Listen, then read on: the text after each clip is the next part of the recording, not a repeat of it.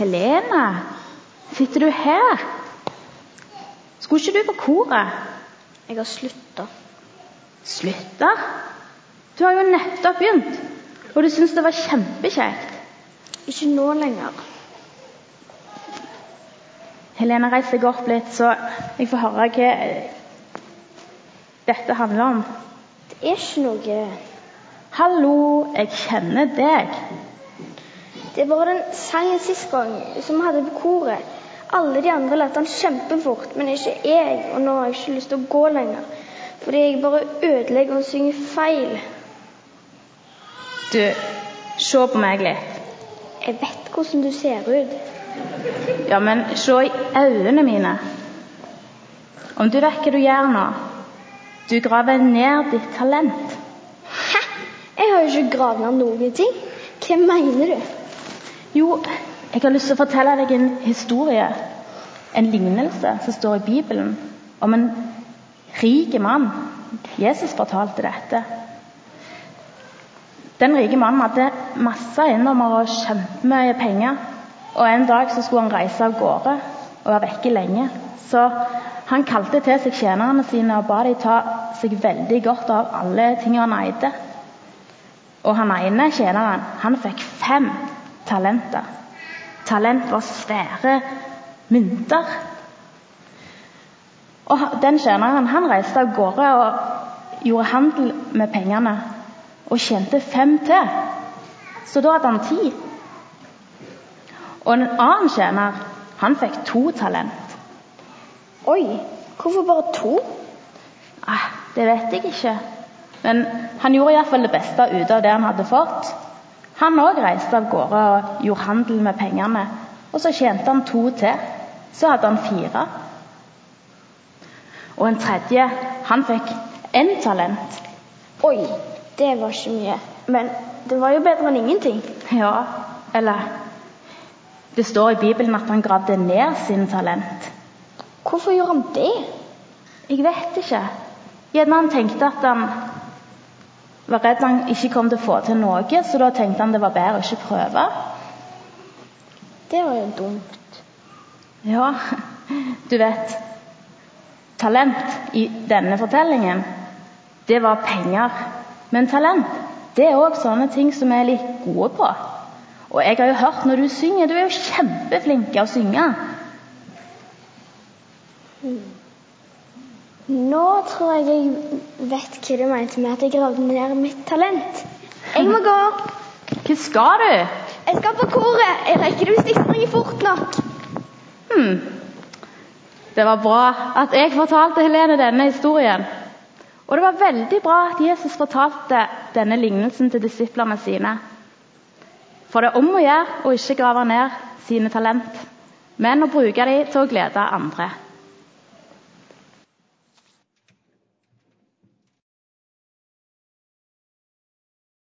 Kapittel og vers 14-19. Likninga om talentene. Det er som da en mann som skulle fare utenlands. Han kalla til seg tjenerne sine og overlot dem det han eide. En gav han fem talenter, en annen to, og den tredje én talent, ettersom hver dugde til. Så drog han ut av landet. Han som hadde fått fem talenter, tok straks til å handle med dem og tjente fem til. Han med to gjorde det samme og tjente to til. Men han som hadde fått én talent, gikk bort og grov et hull i jorda og gjemte pengene fra herren sin. Da det hadde gått ei lang tid, kom Herren hjem igjen og ville holde rekneskap med tjenerne sine. Han som hadde fått fem talenter, kom fram og hadde med seg fem til og sa, Herre, du ga meg fem talenter, sjå, jeg har tjent fem til. Da sa Herren til han, Bra, du gode og trugne tjener. Du har vært tru i lite. Jeg vil sette deg over mykje. Kom inn og gled deg i lag med Herren din. Så kom han med to talenter fram og sa, Herre, du ga meg to talenter, sjå, jeg har tjent to til. Bra, du gode og trugne tjener, svarer Herren. Du har vært tru i lite. Jeg vil sette deg over mykje. Kom inn og gled deg i lag med Herren din. Han som hadde fått én talent, kom fram og sa, Herre, jeg visste at du er en hard mann som hauster der du ikke sådde, og sanker der du ikke strødde ut. Derfor ble jeg redd og gikk bort og gjemte talenten din i jorda. Sjå, her har du ditt. Da sa Herren til han, du dårlige og late tjener, du visste at jeg hauster der jeg ikke sådde, og sanker der jeg ikke strødde ut. Du, da burde du ha gjeve pengene mine til de som driver med utlån. Så hadde jeg fått dei att med renta når jeg kom heim. Ta derfor talenten fra han og gjev han til den som har tid. For den som har, han skal få, og det i overflod. Men den som ikke har, skal bli fråtrekken jamvel det han har.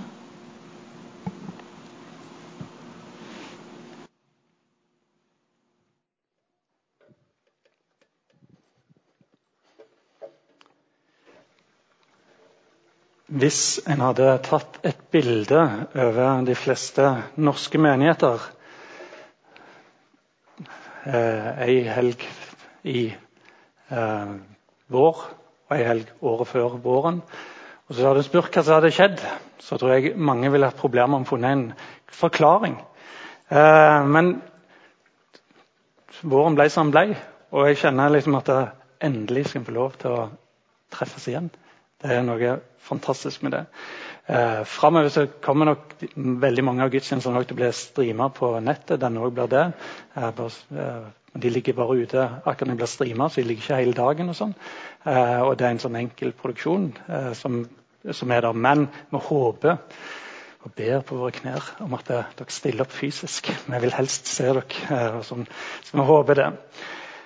Vi har en visjon her i menigheten, og den eh, har vi hatt siden starten av. En enkel visjon som jeg tror faktisk i denne tida kan være godt å minne oss sjøl på.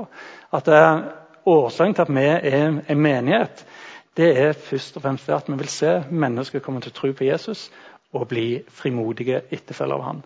Og litt av ser, at det er ekstra viktig i vår tid, er at når litt sånn krevende situasjon inntreffer, så blir det veldig fort at vi får et veldig selvopptatt fokus. Og Da er det kanskje viktig å løfte blikket og se okay, hvorfor er vi egentlig til. Både som enkeltpersoner og som menighet. Og Det skal vi se litt videre på i dag. Det har jeg kanskje allerede tatt hintet på med den teksten som både blitt dramatisert og, eh, og lest. Skal bare si kort eh, en ting om to, to, ting. Det ene er det vi kaller 20-bønnen. Noe av det som jeg synes var flott i løpet av våren, det var at hver eneste kveld så satt det noen mennesker ute i kapellet her og ba for menigheten, for bygda og for bønneemner som kom inn. Og jeg tenker Var det noe eh, vi fikk til i løpet av våren, så var det det å lage en sånn bønnestafett i menigheten. Så drømmer om at hva om ikke bare det var noe som var midt under den svarteste koronatida, men at det er noe som vi får til Eh, på sikt eh, fast her i menigheten. Og Da håper vi og ønsker vi å invitere dere alle til å være med til å ta ei økt. Eh, kanskje én gang i måneden, kanskje to ganger i måneden, kanskje tre ganger i måneden. Til møte her i kirka klokka åtte. Gå inn i kapellet og være med og be der. Og Så vil det ligge ulike sånn, bønneopplegg. Noen kan være veldig sånn, liturgiske, tidebønnaktige hvis en foretrekker det. Andre kan være litt mer spontane hvis en ønsker det. Men tanken er at vi slår ring, en bønnering rundt arbeidet i menigheten. Så jeg håper du blir med på det. En annen ting som jeg tenker vi skal prøve å få til denne høsten, er jo koblingen mellom barne, det ungene opplever, og det som vi hører om her. Og Dermed så kommer temaet og tekst og sånn var helt likt. Eh, vi henter fra Sprell Levende sitt opplegg og denne høsten. sånn at det, ungene kommer til å høre videre om det, og snakke videre om det som vi skal snakke om her. Og så, Hvis jeg ser i programmet, så er det utheva med en svart boks, det som kalles dagens spørsmål. Og det, Tanken er det at eh, hva om dere tar hjem det spørsmålet? Uh, enten dere samtaler om det sammen med storfamilien, men bare ta hjem det spørsmålet. Uh, og diskutere det for å ta det videre med dere. Så vil jo òg cellegruppeopplegg bli sendt ut, og det handler òg om de samme tingene. Men uh, dette med dagens spørsmål har du mulighet til å få på mobil. Da sender du en eh, tekstmelding til Marita. Da må du, jeg husker ikke det i hodet, dessverre, og jeg har ikke notert det, men eh, da går du inn på websida, og så sender du bare en tekstmelding til henne eller en mail at du ønsker dagens spørsmål på mobil. Og Så får du det på søndags ettermiddag etter gudstjenesten. Tenker nok at søndagen, Søndagsmiddagen kan være en god anledning for akkurat dette. Eh, da vet jeg ikke om du har trykt Der, ja. Um, han var ganske oppfinnsom. Han um, fant på ting, og han ble raskt interessert i kjemiske reaksjoner. Og um, Han gikk konkurs, han hadde en del utfordringer i livet, sånn, men etter hvert så lykkes han veldig godt. Han ble veldig, veldig rik. Tjente enormt med penger. En dag så dør broren hans. Og i en fransk avis så står det at eh, dødens kjøpmann døde i går. For det denne personen hadde funnet opp, det var noe som på hans tid tok livet av flere enn noen andre ting hadde gjort før. Og Så ble det slått opp i avisa, og han leser det. Dødens kjøpmann døde i går. Og Det sto videre i denne kronikken som var feil, for det var broren som var død. og sånn, Men han leste det. sto at det, eh, ja, han var en ulykke for mennesket. Han burde ikke nesten eksistert ha med han videre. Skal avsløre hvem han var. Det er noen også har tatt han allerede. Eh, men bare ha med videre inn i denne teksten her. Teksten som eh, Tordis leste, den starter med noen flotte ord, syns jeg. Det er som en mann som skulle dra utenlands. Han kalte til seg tjenerne sine og overlot de alt han eide. Overlot de alt. Og jeg tenker at Det er så viktig å ha med seg inn i møte med den teksten. at Gud er jo en som gir oss alt. Altså Gud er ikke sånn som sitter og, og på mange måter holder masse ting tilbake. Han gir alt. Altså Alt han eide, alt har han på mange måter gitt ut til oss mennesker. Han har gitt oss absolutt alt. Og Det er den Gud som du tror på. Det er den Gud som du skal få lov å ha med deg i hverdagen. Den Gud som gjør alt. Og én ga han fem talent, en annen to, og en tredje én talent. Etter hver enkelt hadde evne til. Og så reiste han. Så spørsmålet ja, som jeg sa i dramastykket, var litt feigt om han som stakkaren fikk bare ett talent. Og Egentlig så var det vel strengt tatt ikke det. Altså Hvor mye talent var verdt det når jeg leser mange kommentarer om det, og de er veldig forskjellige i hvor mye de mener et talent var. Men Poenget er alt fra noen millioner til 20 millioner. eller noe sånt. Fall, men poenget i hele historien her var at et talent for de aller fleste som hørte Jesus sa dette, det var, det var en sånn uoppnåelig rikdom. Til og med ett talent. Altså, det var enorme summer. Det var, det var som om eh, en av de rikeste i verden kommer til deg og to-tre andre og ber deg om å forvalte det. For det, vi har jo en Gud som gir oss alt. Sånn at han som vi tenker fort over, han fikk bare ett talent, stakkar, stakkar han.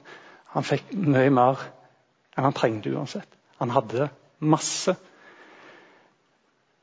Han som hadde fått fem talenter, han gikk straks vekk og drev handel med de og tjente fem til.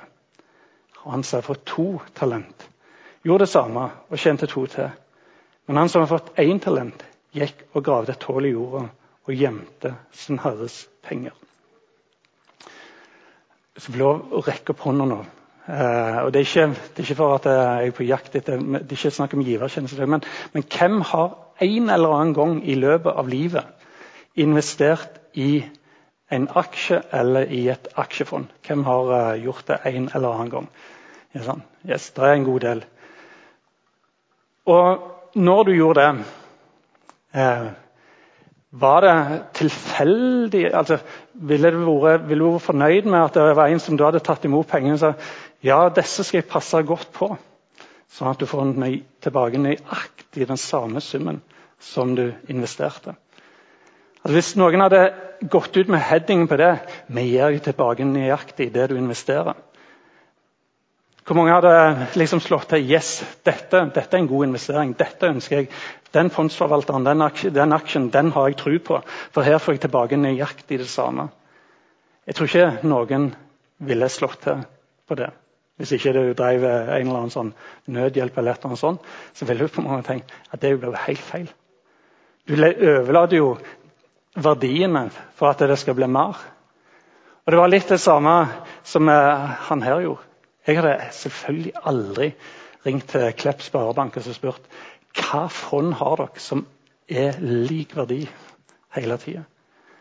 Av og til så har jeg gått inn og har noen selv, så ser du jo etter hva gir mest verdi. Og så tenker du har jeg flaks, så fortsetter det sånn. Og så leser du inn litt der. Og så kan det gå bra, og så kan det gå dårlig. Nå har ikke jeg så mye penger å investere til, sånn at det, er, det er ikke så mange summene. Det er ikke snakk om talenter. Men allikevel med de små som jeg holder på med, så tenker jeg yes, en ønsker jo å få noe igjen. Og Det var jo det han her òg gjorde. Han eh, overlot alt. Og Så står det da lang tid var gått, kom tjeneren tilbake og ville holde regnskap med dem. Og Jeg går jo inn i nettbanken og ser hvordan det har gått med disse usle fondene mine. Altså, og det kjenner liksom hvis det, nå Under koronaen og alt bare raste sant? Det, var jo ikke, var ikke den store opplevelsen. Eh, men så står dette verset her, og kanskje det kan være noe av det mest utfordrende verset i akkurat denne teksten.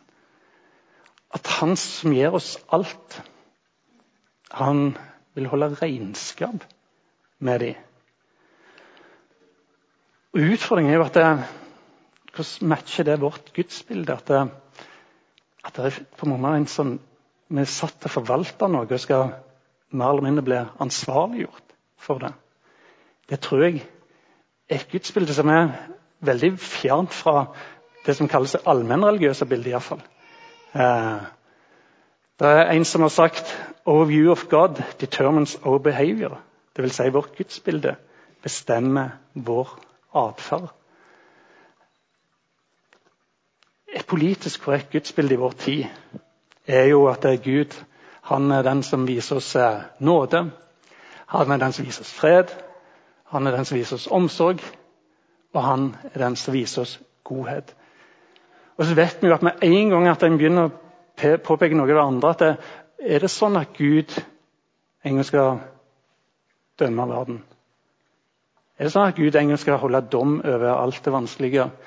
Er det sånn at Gud en gang skal holde regnskap? Er det sånn at Gud fortsatt bryr seg om synd? Er det sånn at vi blir ansvarliggjort? Min opplevelse når jeg leser Bibelen, det er at eh, Gud er både òg. Gud er begge deler. Men jeg liker så mye bedre den både-sida. Jeg syns den er så fantastisk mye bedre. Eh, jeg liker den iallfall for min egen del. Samtidig som jeg liker òg-sida for enkelte andre. Jeg syns det er greit å vite at eh, Hitler skal stå ansvarlig for det han har gjort. Jeg syns det er greit å vite at eh, andre sine ting,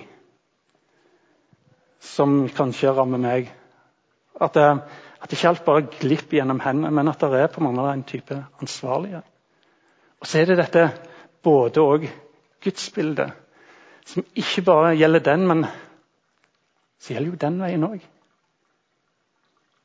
Og så syns jeg at det kan, det kan være egentlig, det er egentlig ganske komplisert å holde dette i sammen. Og Det er jo det denne teksten òg løfter fram. En både og. Han som hadde fått fem talent, Han kom fram og hadde med seg de fem og sa, 'Herre, du ga meg fem talent.' 'Så jeg har tjent fem talent til.' Herren han svarte, 'Bra, du gode og tro tjener.' 'Du har vært tro i lite, jeg vil sette deg over mye.' 'Kom inn til gleden hos din Herre.' Og han som han med to talenter kom fram og sa, 'Herre, du ga meg to talent. Se, jeg har tjent to til.' Herren han svarte, 'Bra, du gode tro tjener. Du har vært tro i lite, jeg vil sette deg over mye.' Kom inn til gleden hos din Herre. Er det én setning jeg håper jeg skal en gang oppleve å høre, så er det den dagen en kommer til himmelen. Ikke som en belønning, men som en at Gud ser på meg, eller Jesus ser på meg, og at han ser på deg, han ser på oss. Og så sier han bra, du gode og tro tjener. Bra. Du har vært tru i lite. Bra, du gode og tro tjener. Jeg tenker kanskje det er den viktigste setningen vi noen gang kan høre over livet vårt. Og så kom han som hadde fått én talent, og sa Herre, jeg visste at du er en hard mann, som høster hvor du ikke har sådd, og sanker hvor du ikke har strødd ut. Derfor ble jeg redd og gikk og gjemte talentene dine i jorda. Se, her har du ditt. Men Herren svarte han, du dårlige og late tjener. Du visste at jeg høster hvor jeg ikke har sådd, og sanker hvor jeg ikke har strødd ut. Du burde overlatt pengene mine til de som driver med utlån, så jeg kunne fått de eh, igjen med renter når jeg kom tilbake. Jeg tror at det er han som hadde ett talent. Hans gudsbilde det er strenge guden. Det var sannsynligvis bare òg guden, kanskje. Jeg var gjerne enda strengere enn det. Han hadde et bilde av en gud som virkelig var ute og straffe. At det var hans hovedagenda. Og Det er jo alltid faren i denne teksten at en på mange måter tenker at Gud er kun ute etter straffe. Og I redselen så unngår han dette. Kanskje det er igjen denne setningen altså Ditt gudsbilde den bestemmer din atferd. Jeg er sikker på at det er han, de to andre det er et bilde av en gud som, som tenkte Prøv nå iallfall. Stå på. Altså Ikke, ikke spill sikker på. Hiv deg frampå. Prøv igjen. Det er en som har sagt at det å mislykkes det handler ikke om å gjøre feil, men det handler om å stoppe og prøve. Det er da en mislykkes. Folk som er, finner opp ting. Bare tenk hvor mange ganger de mislykkes før de finner, finner, ut av det. Hvis jeg har stoppet opp etter første gang og tenkt nei, nå graver jeg dette ned, dette prosjektet vil jeg ikke ha mer av, så har jo ikke skjedd noe.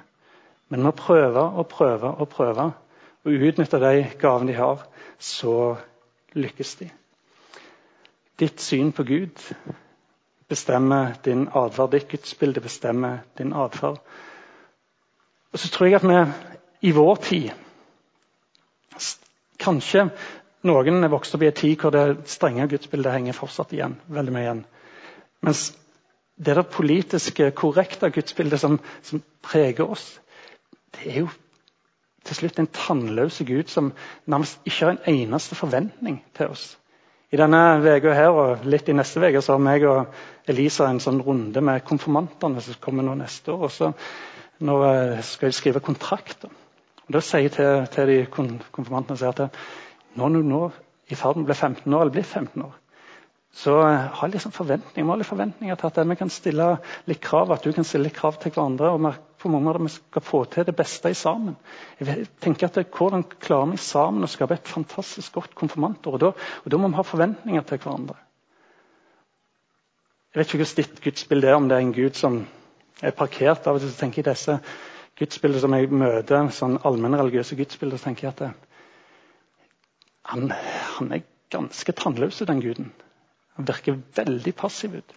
Han sitter stort sett bare med godkjenn-knappen på alle ting som en sjøl ønsker og vil.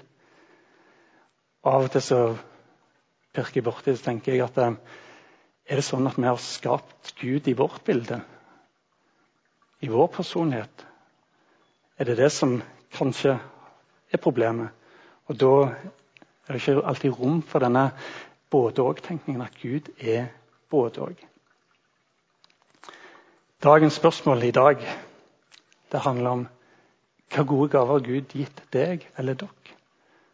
Og Ut ifra den teksten så handler det om hvordan, hvordan forvalter du dette? Hvordan bruker du alt det gode som Gud har gitt deg? Paulus han skriver en flott tekst. Han, fra, I Feserbrevet skriver han for av nåde er dere frelst ved tro. Det er ikke deres eget verk, men Guds gave. Det hviler ikke på gjerninger, for at ingen skal skryte av seg sjøl. For vi er Hans verk, skapt i Kristus Jesus til gode gjerninger, som Gud på forhånd har lagt ferdige for at vi skulle vandre i dem. Gud har skapt oss med evner, talenter, med nådegaver. Gud har gitt oss alt dette. Han har lagt det i oss, ned i oss, nedfelt det i oss. Og det gjelder ikke bare de som er synligst på en gudstjeneste eller synligst i samfunnet, men det gjelder oss alle. Alle har fått gaver, evner og talenter. Spørsmålet er hvordan bruker vi dem? For dere som følger denne ettårsbibelen, eh, som er en gjeng som følger den, så er han Nikki Gumbel som skriver den. Han skriver at det er innom en ting stadig vekk, syns jeg. Og det Han skriver om at det, de to viktigste hendelsene i livet ditt, hva er de? sier han. Jo, den ene, den viktigste er jo den dagen du ble født. Altså, du ikke ble født, så har du, har du ikke eksistert. Det er den viktigste. Men den annet viktigste, som er like viktig, det er den dagen du finner ut hvorfor. Hvorfor er akkurat du satt her? Hvorfor er akkurat du en del av denne verden? Hva er Guds plan? Hva, hvordan har Gud utrusta deg? Hvordan har Gud skrudd deg i sammen? Hvis vi går tilbake til Efeserbrev-teksten, så handler den òg om et både-og. Det handler om at for nåde er dere frelst ved tro. Det er ikke deres eget verk, men Guds gave. Det hviler ikke på gjerninger for at ingen skal skryte av det. Du kommer aldri til å komme til himmelen av å være en snill og grei og kjekk person. Det hviler ikke på gjerninger. Det handler ene alene om nåde. Og Så fortsetter han da i vers 10, så skriver han For vi er Hans verk, skapt i Kristus Jesus til gode gjerninger, som Gud på forhånd har lagt farge for at vi skulle vandre i dem. Og Det er dagens spørsmål. Hva gode gaver har Gud lagt ned i deg? Og hvordan vil han bruke dem? Hvordan vil han bruke dem inn i dette fellesskapet her? Hvordan vil han bruke dem i dagliglivet ditt? Han har en plan. Har du fått tak i denne planen? Alfred Nobel var han som leste nekrologen, som kom for tidlig, på trykk på slutten av 1800-tallet. Dødens kjøpmann døde i går. Han har oppfunnet dynamitten. Han hadde oppfunnet og hadde masse penger. Og han, når han leser den, at han nesten var en ulykke for menneskeheten, så bestemmer han seg Oi, dette må jeg gjøre noe med. Og jeg tror For de aller fleste så det er klart, Mange vet at han fant opp dynamitten, og sånn, men de fleste vet jo at det er han, altså Nobelprisen etter han. Disse fem prisene som hvert år deles ut. For etter han leste dette, så bestemte han seg. Jeg må bruke livet mitt annerledes. Jeg må bruke det som er gitt meg, annerledes. Eh, jeg tror den formuen som han eh, bruker, som er, den er på noen milliarder. Og hvert år så går renten av det til fredsprisen. Og folk bør riste på hodet. Altså, dette er galskap. Dette kan ikke fungere. Dette er helt sprøtt. Og så vet vi hva det har betydd for eh, mange. Den anerkjennelsen ligger i fredsprisen, i litteraturprisen, i alle de andre prisene. Det har betydd så mye. Og Det er fordi at han fant ut dette er gitt meg. Dette er gaver som er gitt meg. Og hvordan bruker jeg dette videre? Jeg vet ikke, jeg har ikke lest meg opp på hva forhold han hadde til den kristne trua. Men eh, jeg tenker at eh, Gud en gang skal stille meg og deg det spørsmålet. Altså, hva gjorde du med det som jeg ga deg?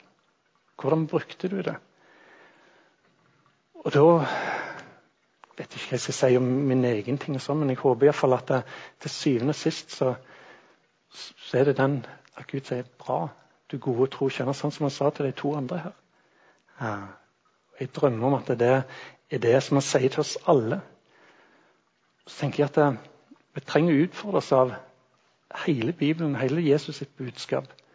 Både om nåde, om omsorg og alt dette. men òg at Gud ikke bare satt oss på jorda her med en tilfeldighet og sa lykke til. Når han satte deg på jorda, så hadde han en bestemt plan. Og Det er opp til deg å finne ut hva er den planen. Hvordan bruker du den, det som Gud har lagt ned i deg, videre? Jeg kan ikke ta ansvar for det. Den som sitter på sida av deg, kan ikke ta ansvar for deg. Det får bli en sak mellom deg og Gud. Det får bli noe dere finner ut av. Jeg håper dere har funnet ut av det. Jeg vet at mange har funnet ut av det. Og Av og til så trenger iallfall jeg å stoppe opp og tenke på nytt. Jeg, altså er det det som er viktig for meg nå? Eller er det andre ting som er viktig? Og hvorfor eventuelt er det andre litt viktige? La oss be. Jesus, jeg takker deg for at du har en plan for vårt liv. Jeg takker for at det er noen ting som du har lagt ferdige for oss. Gode Hellige Ånd, jeg ber om at du lyser opp det som er den veien, det som er den stien, det som er den retningen som du har for mitt liv og for hver enkelt sitt liv her inne. Gi oss òg en villighet og modighet våge å gå på den veien, selv om den kanskje koster litt. Jeg bare ber om at vi får kraft og mot til å gå der. Takk for at vi gjennom dette skal få lov å tilbe og ære deg. Vi har ditt rike synlig. Jeg ber om det i ditt navn. Amen.